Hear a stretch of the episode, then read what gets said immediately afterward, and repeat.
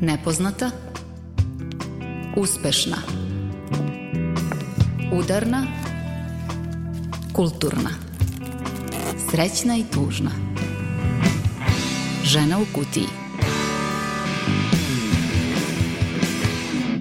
Dobar dan, počinje Žena u kutiji. Mi smo autorski tim Milica Kravićak Samit i Tamara Srijemac i ovo je naš i vaš radijski prostor za feminizam.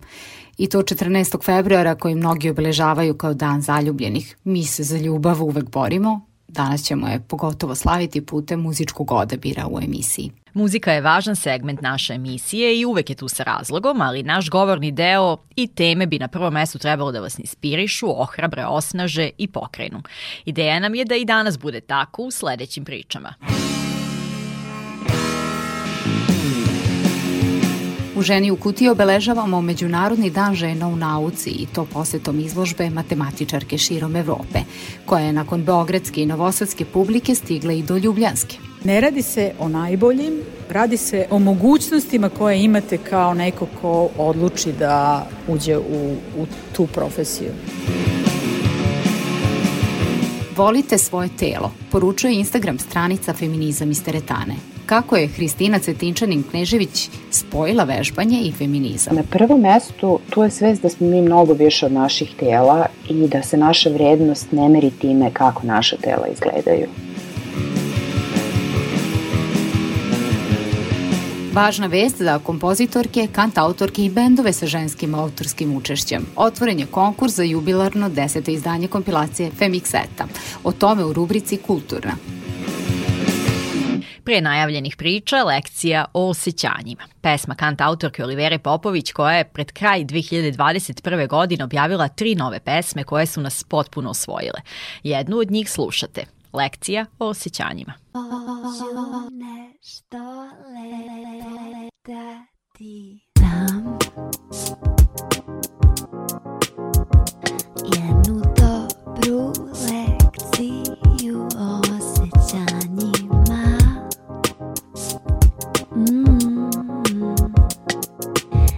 Igre se mojima i ja tvoje ću poštedeti. Ako budeš dobar prema meni veruj da će vredeti.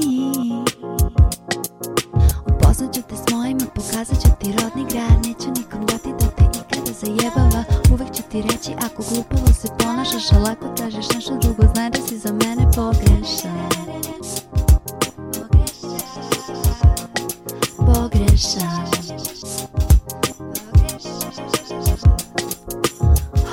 baju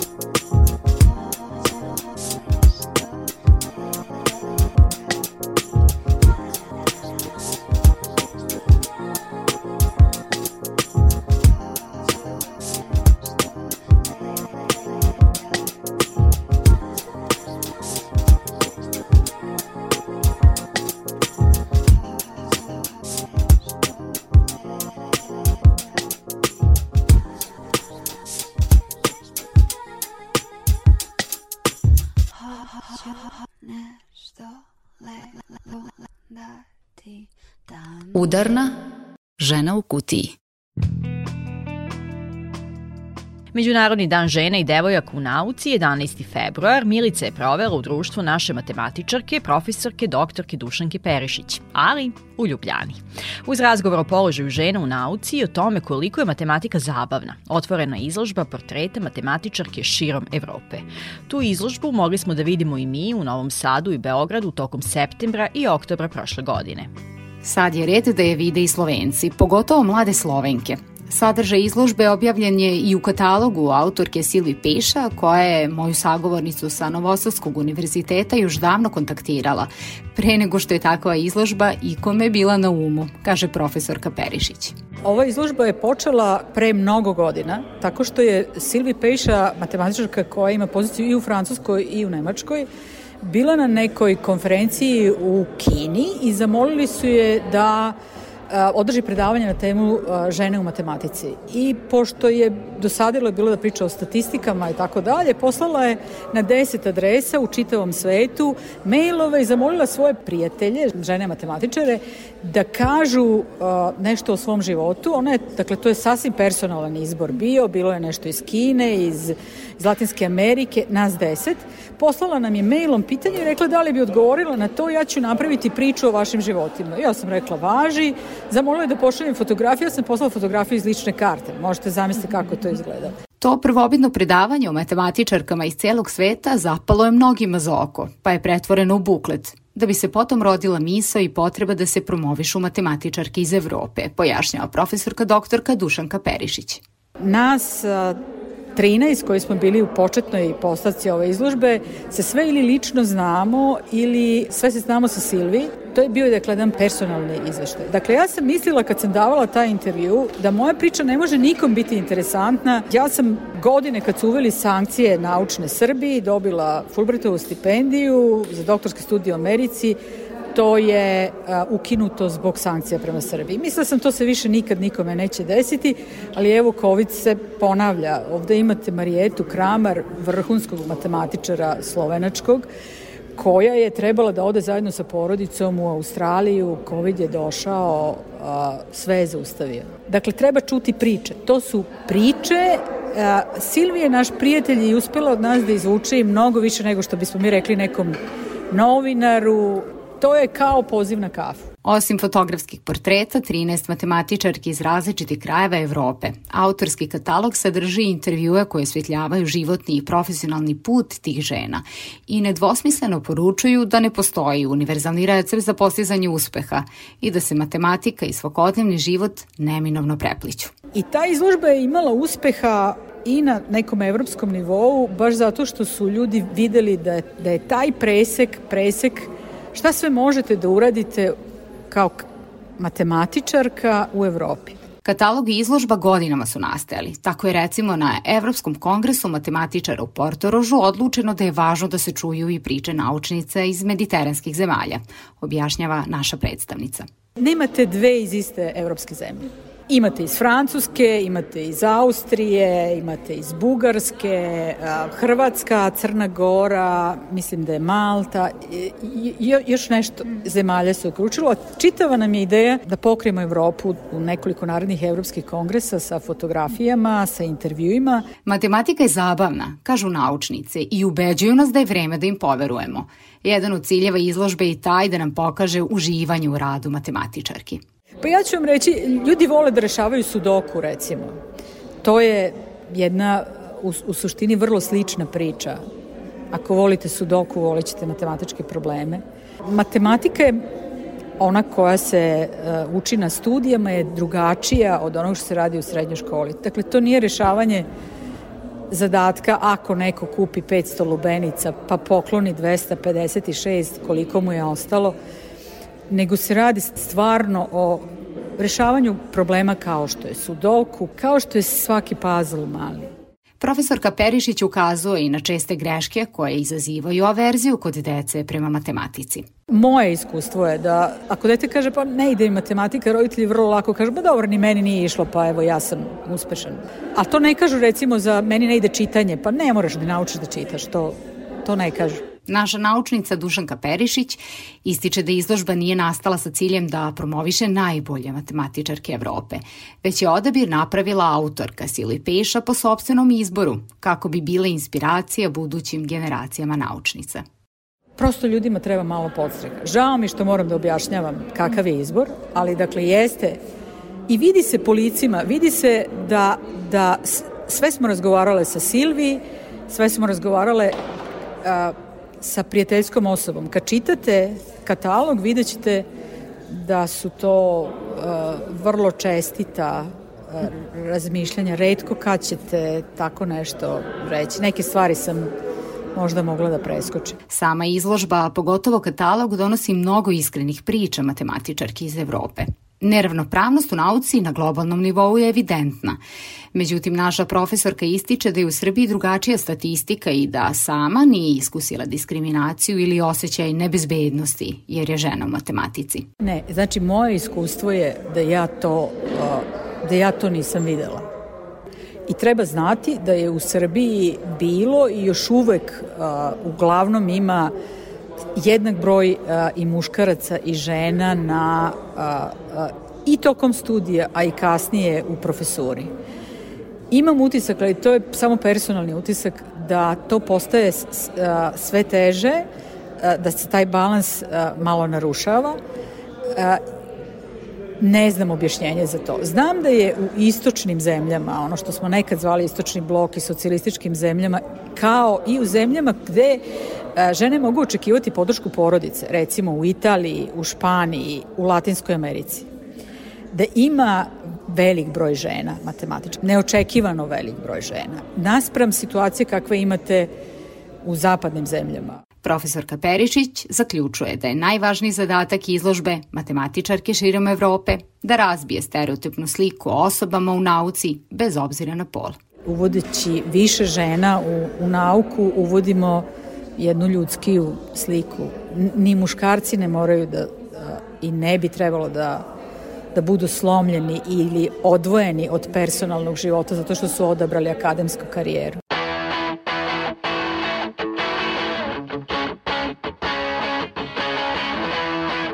Dvije godine nakon objave pandemijskog albuma Elemental ima novu pesmu, Dvojka. Jedna od brojnih inspirisana pandemijom koja nas pritiska evo već dve godine. Sada, više nego ikad, nam je kristalno jasno koliko nam treba naše društvo, koliko trebamo jedni druge i koliko nam zapravo nedostaje prisutnost druge osobe. Nadam se da će ljudi pronaći neku svoju definiciju naše dvojke. To je rekla Mirela Priselac Remi. Dvojka je inače pesma kojom Elemental osnažuje i band poziva sve nas da na društvenim mrežama uz hashtag Svi su u dvojici objavimo na koje sve načine u ovo vreme pokazujemo ljubav svojoj dvojici. A dvojac žene u kuti i vama iskazuje ljubav upravo novom pesmom sastava Elemental.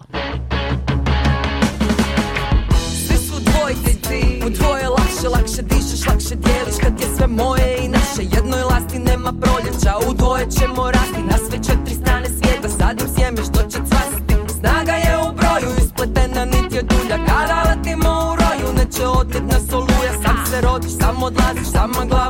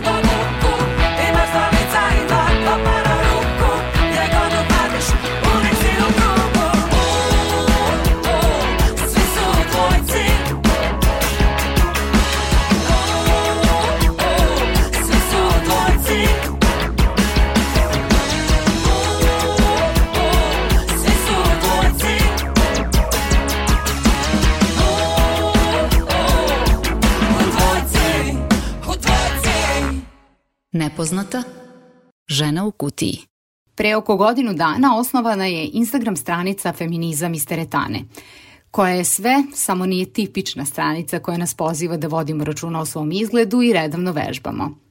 Iako nas je zainteresovala, tako da je Tamara pojurila da se raspita ko stoji iza profila.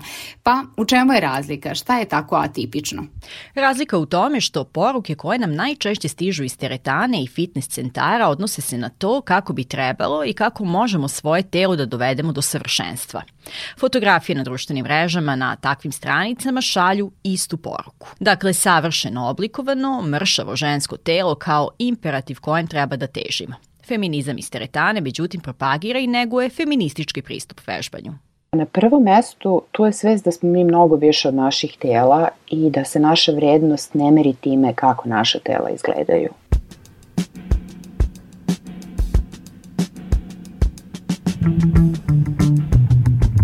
Odnosno da mi nećemo biti dobre ili vredne samo zato što je neko procenio da je naše telo privlačno, da je seksi, da je zategnuto ili da je izgleda na, na način na koji smatramo da izgleda idealno žensko telo. I to su osnovne poruke koje preko svoje stranice šalje Hristina Cvetičanin Knežević. Ona je doktorantkinja i istraživačica na Fakultetu političkih nauka. Članica je grupe novinarke protiv nasilja prema ženama, a u sve to posvećena je i osnaživanju žena i u fizičkom i u mentalnom smislu. Kako kažu, prvi mah je ideja bila da napravi stranicu gde će pisati o treninzima i ponuditi ženama saradnju ukoliko žele da treniraju sa njom. A zatim je odlučila da ode dalje i dublje i da, osim što će oblikovati žensko telo u teretani, utiče i na promenu svesti o našim željama i revidira naše motive za vežbanje. Vežbanje i, i trening, fizička aktivnost ne treba da bude kazna, već treba da bude ljubav. I ovo možda zvuči patetično, ali i sama sam, kao i većina žena sa kojima sam razgovarala, ulazila u teretanu i treninge sa idejom da mom, sa mojim telom nešto nije u redu i da ću ja njega sada kroz trening da popravim. Trening je mnogo više od toga kako naše telo izgleda u datom trenutku. Blagodeti treninga na žensko zdravlje su zaista ogromne i u tom smislu trening treba da bude nešto što radimo iz ljubavi prema sebi a ne nešto što radimo zato što sebe ne volimo. Idealna ženska tela koje viđamo na photoshopiranim i ispoziranim fotografijama nisu realnost, dodaje ona. Nijedno od tih tela kojem se divimo ne izgleda tako svakog sekunde i trenutka u životu. I da bismo to prihvatili, jeste nam potreban upravo feminizam. Hristina dokazuje da ženska borba za ravnopravnost i emancipacija s jedne strane i vežbanje i zdravi stilovi života sa druge strane zapravo jesu povezani. Iz moje perspektive ne postoji ni jedan segment naših života koji ima na feminizam i u tom smislu ni teretana nije, nije izuzetak. Naravno, feminizam može da bude i jasno komuniciranje političkog stava da su žene ravnopravne s muškarcima, odnosno da su muškarci ravnopravni sa ženama, ali takođe feminizam obuhvata i onaj odnos koji imamo same sa sobom. Da li prema sebi postupamo i pristupamo iz ljubavi prema sebi ili nekako internalizujemo i usvajamo to što nam se od malih nogu govori da smo slabije, da nismo dovoljno dobre, gde nam je mesto, šta treba da radimo. U suštini ne treba uvek da budemo lepe, privlačne, da budemo neka vrsta ikebane koje će sa druge strane uvek biti na usluzi drugima. Kada odlučimo da nećemo tako da razmišljamo, da nećemo tako više da živimo, kada odlučimo da se osnažimo i uđemo u teretanu sa idejom da radimo nešto dobro za sebe, da nam je bitno da mi budemo zdravi i funkcionalni, da naše telo bude sposobno i jako, a ne to što će neko drugi da nas pogleda i da kaže uh, baš dobro izgleda ova devojka ili žena. To je taj feministički moment koji ja prepoznajem svuda, pa i u teretani. A teretanu najčešće doživljavamo i dalje kao muški prostor. Sagovornici žena u kutiji upravo stil vežbanja koji možemo dobiti u teretani najviše prija.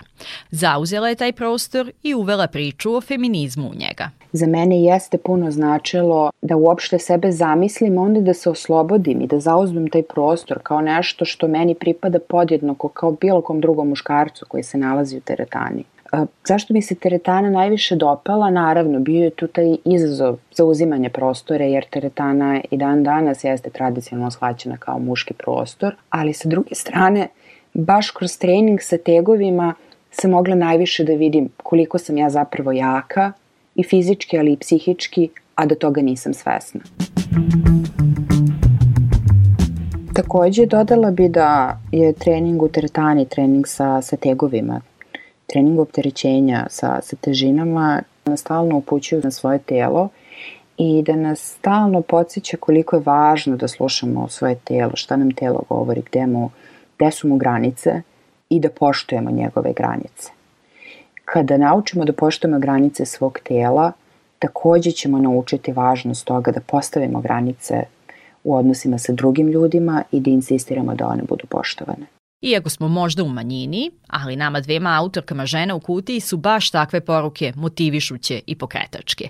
Jedna od poruka na stranici Feminizam iz teretane kaže Tvoje telo nije spisak stvari koje treba da popraviš da bi zaslužila da živiš svoj život. Pa iskreno da budem, ne mislim da su moje poruke delotvornije u odnosu na, na tu čuvenu poruku letoće za par meseci, pa kad si mislila da se dovedeš u red, sram te bilo. Mislim da ta poruka sa dovođenjem u red mnogo direktnije komunicira sa ženama, ali po cenu da rudari njihove ne, nesigurnosti i da čini da se ona osjećaju loše. I to je jednostavno nešto na što ja ne želim da, da pristanem. A, one poruke koje ja šaljem sa nekima će iskomunicirati na prvu, kao što su na primjer sa tobom, Sa nekima možda neće, ali mislim da ako dovoljno dugo budemo ponavljale te poruke, ako dovoljno dugo budemo govorile da vežbanje nije nešto što radimo zato što i mrzimo neki deo svog tela, zato što mislimo da nismo dovoljno dobre, već je vežbanje nešto što radimo zato što želimo svom telu da pružimo ljubav i da ga funkcionalno usposobimo za, za svakodnevni život. Ako to budemo dovoljno ponavljale, mislim da će postati jače, da će biti glasnije i da će se generalno promeniti ta ideja o vežbanju kao o dovođenju u red pred leto. I sve to Hristina Cvetičanin Knežević prenosi ženama u radu sa njima. Međutim, kako kaže, promeniti duboko ukorenje način razmišljanja o ženi kao slabijem polu izuzetno je teško. I ono što je zajedničko svim ženama sa kojima je radila jeste upravo to – nismo svesne koliko smo jaki. I tu baš možemo da vidimo rezidue tog patriarhalnog razmišljanja, makoliko mi bila osnažene, makoliko mi znala o feminizmu, teorijski ili bila aktivne u, u feminističkom pokretu, i dalje postoji taj jedan ti glasić u našoj glavi koji nam govori da nismo dovoljno snažne, da nije to za nas. A svaka do jedne žene sa kojom sam trenirala je kroz treninge dokazala na prvom mestu sebi, a onda i svetu da je mnogo jača i, i sposobnija, barem u tom nekom fizičkom smislu nego što misli da jeste. I upravo na jake žene, naše savremenice, ali i prethodnice koje su značajno doprinale feminističkoj borbi, naša sagovornica podsjeća i skreće pažnju u rubrici Osnažena na njenoj stranici Feminizam iz teretane. I mnogi će se zapitati kakve veze imaju vežbanje i feministička teorija. Međutim, ona kaže da je baš tu mesto, jer tema feminističke borbe i teorija feminizma nije dovoljno zastupljena u javnosti, ni u formalnom obrazovanju, ni u medijskom prostoru, ni u popularnoj kulturi. Prisutan je taj nek, to neko elitističko viđenje teorije da je ona namenjena nekom privilegovanom, često sedom i muškom trustu mozgoba koji će sada da sede i da razmišljaju o nečemu, i možemo da diskutujemo da li je to tačno ili ne, ali mislim da kada govorimo o feminističkoj teoriji da tu baš i nema puno prostora za diskusiju, jer barem ona feministička teorija koju ja pišem nije nastala kao produkt nekog duboko umnog, izolovanog, samotnog razmišljanja, već kao potreba da se verbalizuju neke problemi sa kojima su se žene susretele u svom svakodnevnom životu. Zato mi je i bitno tome da pišem, ne samo da upoznam one koji nisu upoznati sa, sa feminističkom teorijom i sa nekim značajnim ženama na taj način, već i da ukažem da problemi sa kojima se mi sada suočavamo su nešto što postoji već dugi niz godina, decenija, pa možda čak i vekova. I u tom smislu konstantno podsjećanje na feminističke borbe može da bude motivišuće. Isto tako, bitno mi je da skrenem pažnju da to što mi danas možemo neke stvari, što nam se čini da smo ravnopravne, ne znači da nam je to palo sa neba, već to borbe koje su žene pre nas veoma često krvavo borile, ne samo što nekada nismo mogle stvari koje mi možemo sada, već i sada ne mogu sve žene neke stvari koje mi uzimamo zdravo za gotovo. I tu možemo ići geografski i zapitati se gde žene mogu bezbedno da prekinu trudnoću 2022. godine ili gde žene 2022. godine mogu da se obrazuju, imaju podjednako pravo na, na obrazovanje kao njihovi vršnjaci. U sve važne teme koje pokreće na pitak način Hristina Cvetičanin-Knežević javno govori o ličnom iskustvu nasilja i proceduri prijave nasilja u kojoj se svojevremeno upustila. I zato nam je važno da uporedi taj trenutak sa današnjim. Ima li promena i napretka? Kako kaže, ohrabrujuće je to što je zakonodavni okvir unapređen i konačno usklađen sa evropskim. Ali kao i cela priča o feminističkoj borbi, ni to nam nije palo sa neba, podsjeća ona.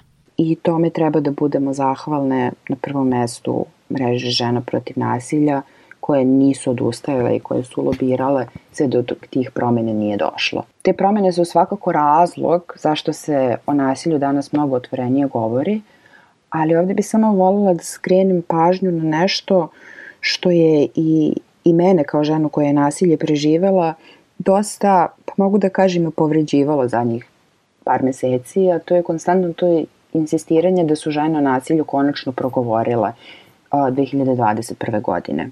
Ne, nisu.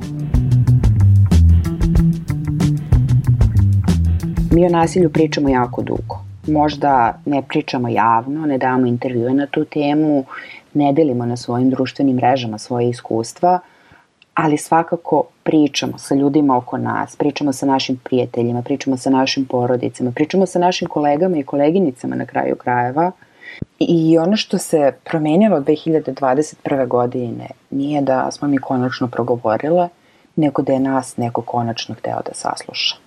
Ipak treba još mnogo vremena, truda i posla da dostignemo nivo u kojem će se svaka žena i devojka osetiti sigurnom kada ode u policiju da prijavi nasilje. I mislim da je taj faktor sigurnosti sa jedne strane svakako institucionalna odgovornost, jer pre par dana smo mogli da vidimo da se pedofili puštaju iz pritvora samo zato što ne postoji dalje podjednako intenzivan pritisak medija, ili pre par nedelja da je osoba osuđena za porodično nasilje puštena iz pritvora da bi kasnije ubio svoju ženu i svoje čerke. Znači postoji taj nivo institucionalna odgovornost. Isto tako postoji i jako visok nivo lične odgovornosti. Sve dok mi vesti o nasilju budemo komentarisali sa pa šta je mislila, šta je očekivala kad je on takav, kako nije znala s kim ulazi u brak, ili ima šta je mislila šta će se desiti ako će da izađe uveče i da pije. Situacija će ostati ovako kakva jeste jer žene jednostavno neće osjećati podršku svoje najbliže okoline da učine nešto što je u datom trenutku ne samo njihov način da ponovo počne da žive, jer život u nasilju nije život, već i takođe i trenutak u kome je njima ta podrška izuzetno neophodna – jer napuštanje nasilnika i prijavljivanje nasilnika jeste najopasniji trenutak po bezbednost žene koje to čini. Kome smetaju jake žene? To je slogan stranice Feminizam iz teretane. I za kraj na ovo pitanje Hristina Cvetičanin-Knežević odgovara i u ženi u kutiji. Kome smetaju jake žene? Smetaju svima onima koji žene ne vide kao ljudsko biće, već vide kao neki objekat kao neki alat, kao neki predmet, kao neko sredstvo koje oni kontrolišu, koje nije autonomno i koje ne čini stvari za sebe, nego koje čini stvari za njih. Sve dok smo nesigurne, sve dok verujemo da je naše da budemo slabe, da je naše da budemo podređene, da je naše da nama neko govori šta mi treba da radimo, da je naše da nam neko da potvrdu da nas validira, situacija će ostati ovako kako jeste ili će bivati sve gore i gore.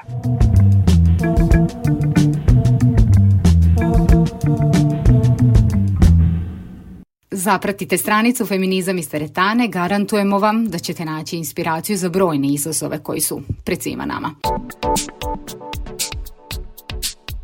A inspiriše i ritam koji čujete. Još jedan novi singl u Ženi u kutiji. Pocket Palma, Mene nema sa albuma Atomi, kojeg su brojni kritičari svrstali među najuspešnije albume prošle godine. Mene nema, inspirisana je Vogue i ballroom kulturom, a u spotu je prikazana sva raskoš tih pokreta kojima su, eto, Pocket Palma odali počast LGBTQ plus zajednici.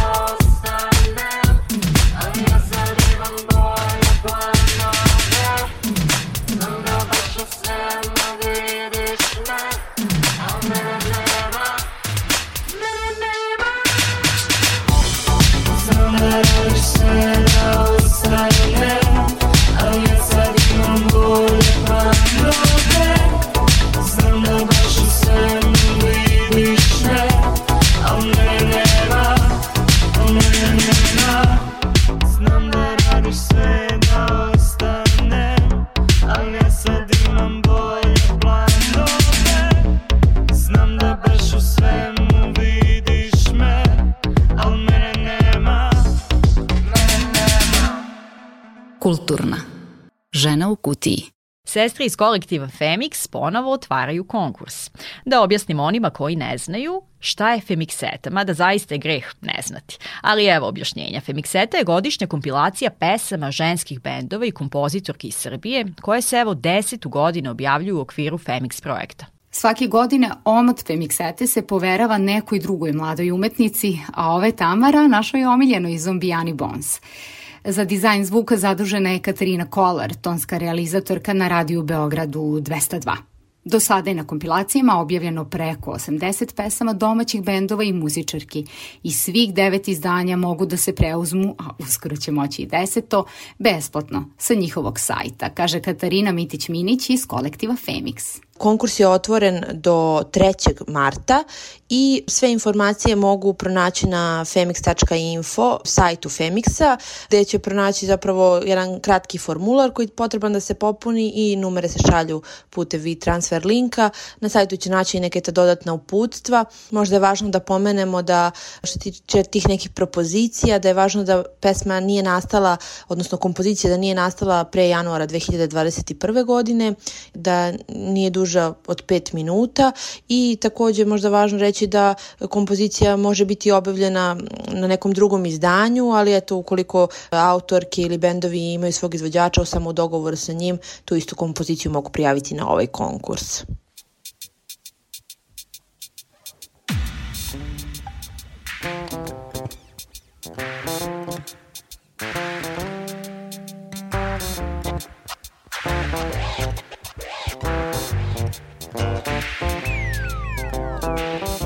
Ovogodišnji selektorski tim čine autorke Ana Radonjić, Zojkida, Ana Ćurčin, medijska i muzička konsultantkinja Marija Karan, kao i naša sagovornica Katarina Mitić-Minić iz kolektiva Femix.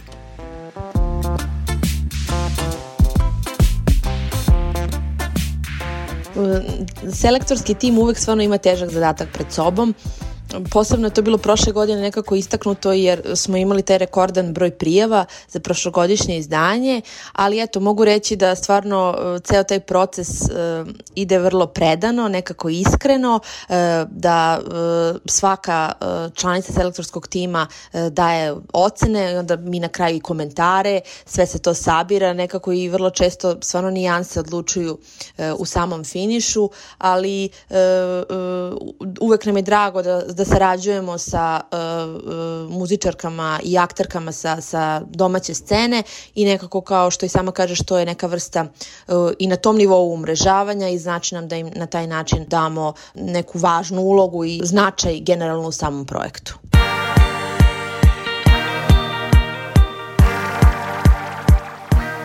Do sada su se na Femixeti kompilacijama našle kompozicije muzičarki i bendova koji su nakon toga ostvarili vrlo uspešnu karijeru, poput benda Arta Lili, Ane Ćurčin, Sajsi MC, Lolo Brigide, Sane Garić i drugih. Katarina ističe da je prošlogodišnje deveto izdanje zabeležilo rekorden broj prijava. Čini nam se da svake godine se pažnja koju javnost usmeri ka, ka ovoj kompilaciji povećava i to nas jako raduje. Prošle godine stvarno bila posebna situacija jer verujemo da je nekako taj početak pandemije i ce, ceo taj period izolacije učinio da ljudi mnogo više stvaraju i onda nekako su samo ljudi čekali priliku da, da mogu da pokažu svoju umetnost i svoj rad. Uh, te je konkurs uh, za Femixetu bilo dobro mesto i tada, nadamo se i ove godine takođe. Prošle godine se na kompilaciji našla i mlada džez muzičarka Gorica Šutić, koja smatra Femixetu važnom idejom za mlade autore i autorke.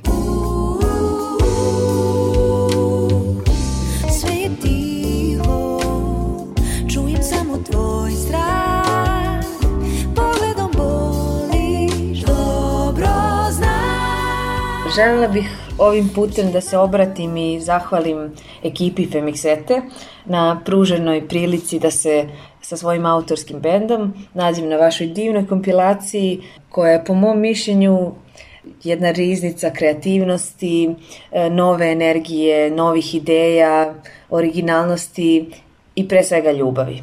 Stvarno je divan osjećaj znati da, da ekipa poput vas postoji i bezuslovno daje vetar u leđa novim idejama, stvaralaštvu i ekspresivnosti. Tvojih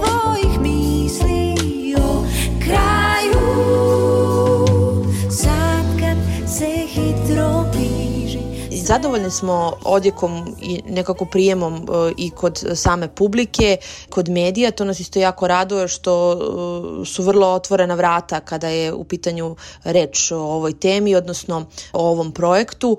Što se tiče devojaka, žena, bendova koji, koji su učestvovali, sa njima imamo jako lepu saradnju takođe, nekako smo cele godine u kontaktu i povodom nekih drugih projekata i saradnji i gostovanja te nam se čini da ovo jeste stvarno najbolji put u građanju te jake i čvrste veze koje zapravo doprinosi našoj rodno ravnopravnoj muzičkoj sceni, odnosno njenom poboljšanju. Za ovih deset godina koliko Femix Team radi na prikupljanju i objavljivanju muzičkog materijala, zaista se nakupilo sati za preslušavanje nove domaće muzike, ističe Katarina Mitić-Minić. Kako nas ove godine očekuje to jubilarno deseto izdanje, to da računamo da je svake godine bilo minimum pola sata muzike, a uh, kada su u pitanju bila dvostruka izdanja, onda zapravo duplo više, tako da tu sigurno ima jedno 7-8 sati uh, jako dobre muzike, na, još kad stigne ova, o, o, ova deseta jubilarna kompilacija, bit će još više,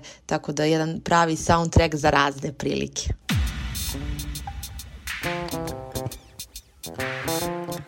Femixetu kao CD izdanje izdvaja i žanrovska raznolikost.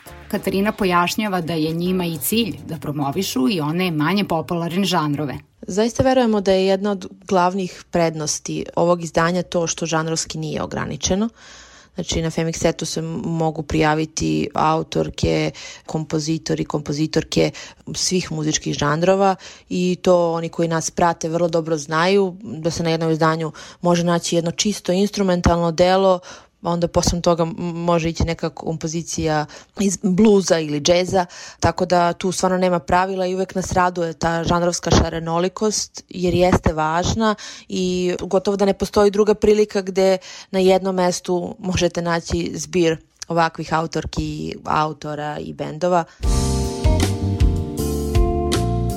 Gorici Šutić kao džez muzičarki upravo takav stav Femixeta tima ide na ruku. Zahvalna im je što su prošle godine odabrali njenu numeru otkuca i za kompilaciju, a publika takođe ima razloga za zahvaljivanje.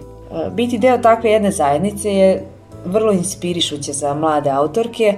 Poželela bih vam svu sreću u daljem radu, jer smatram da je od velikog značaja i stvarno verujem da ćete podstaći još nebrojano mnogo mladih autorki baš kao što ste i mene. Veliki pozdrav od Gorice iz benda Gorica and the Grooveheads. Kao i svih prethodnih godina, učešće na ovogodišnjoj Femixeti ne podrazumeva samo objavljivanje pesme na kompilaciji, već dodatnu medijsku i radijsku promociju svih učesnika i učesnica. Zatim učešće na promociji izdanja, edukativna predavanja u muzičkom biznisu, kao i podršku za dalje potencijalni rad sa domaćim izdavačkim i medijskim kućama. Zato muzičarke, navalite. Rok za slanje pesama je 3. mart.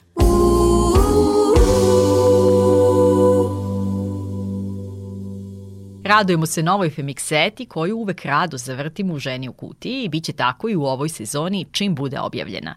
Radujemo se i novom druženju sa vama u etru koje vam zakazujemo za dve sedmice. Sa vama i danas bile autorke Milica Kravićak Samit i Tamara Srijemac, a za ton je bio zadužen naš kolega Aleksandar Sivč. Još malo muzike za kraj. Još jedna nova, optimistična, ljubavna pesma, prava poslastica. Posle tri godine diskografske pauze, bečejski sastav Eva Brown objavio je novi singl u kojem poručuju ti si sve. Ovo je za uživanje i za kraj. Hvala vam svima na slušanju. Doviđenja. Ajde priđi bliže, u vrat poljubi me, svaki je sad sa tobom, sekund čarolije, Slušat ćemo muziku na stranom jeziku. Lomit ćeš mi srce, ja od sreće tapšaću Zbog tebe jutra nisu više umorna I postao sam odsjaj tvoga osmeha. Kao kada snage u mislima. Ti zauvek bit ćeš moja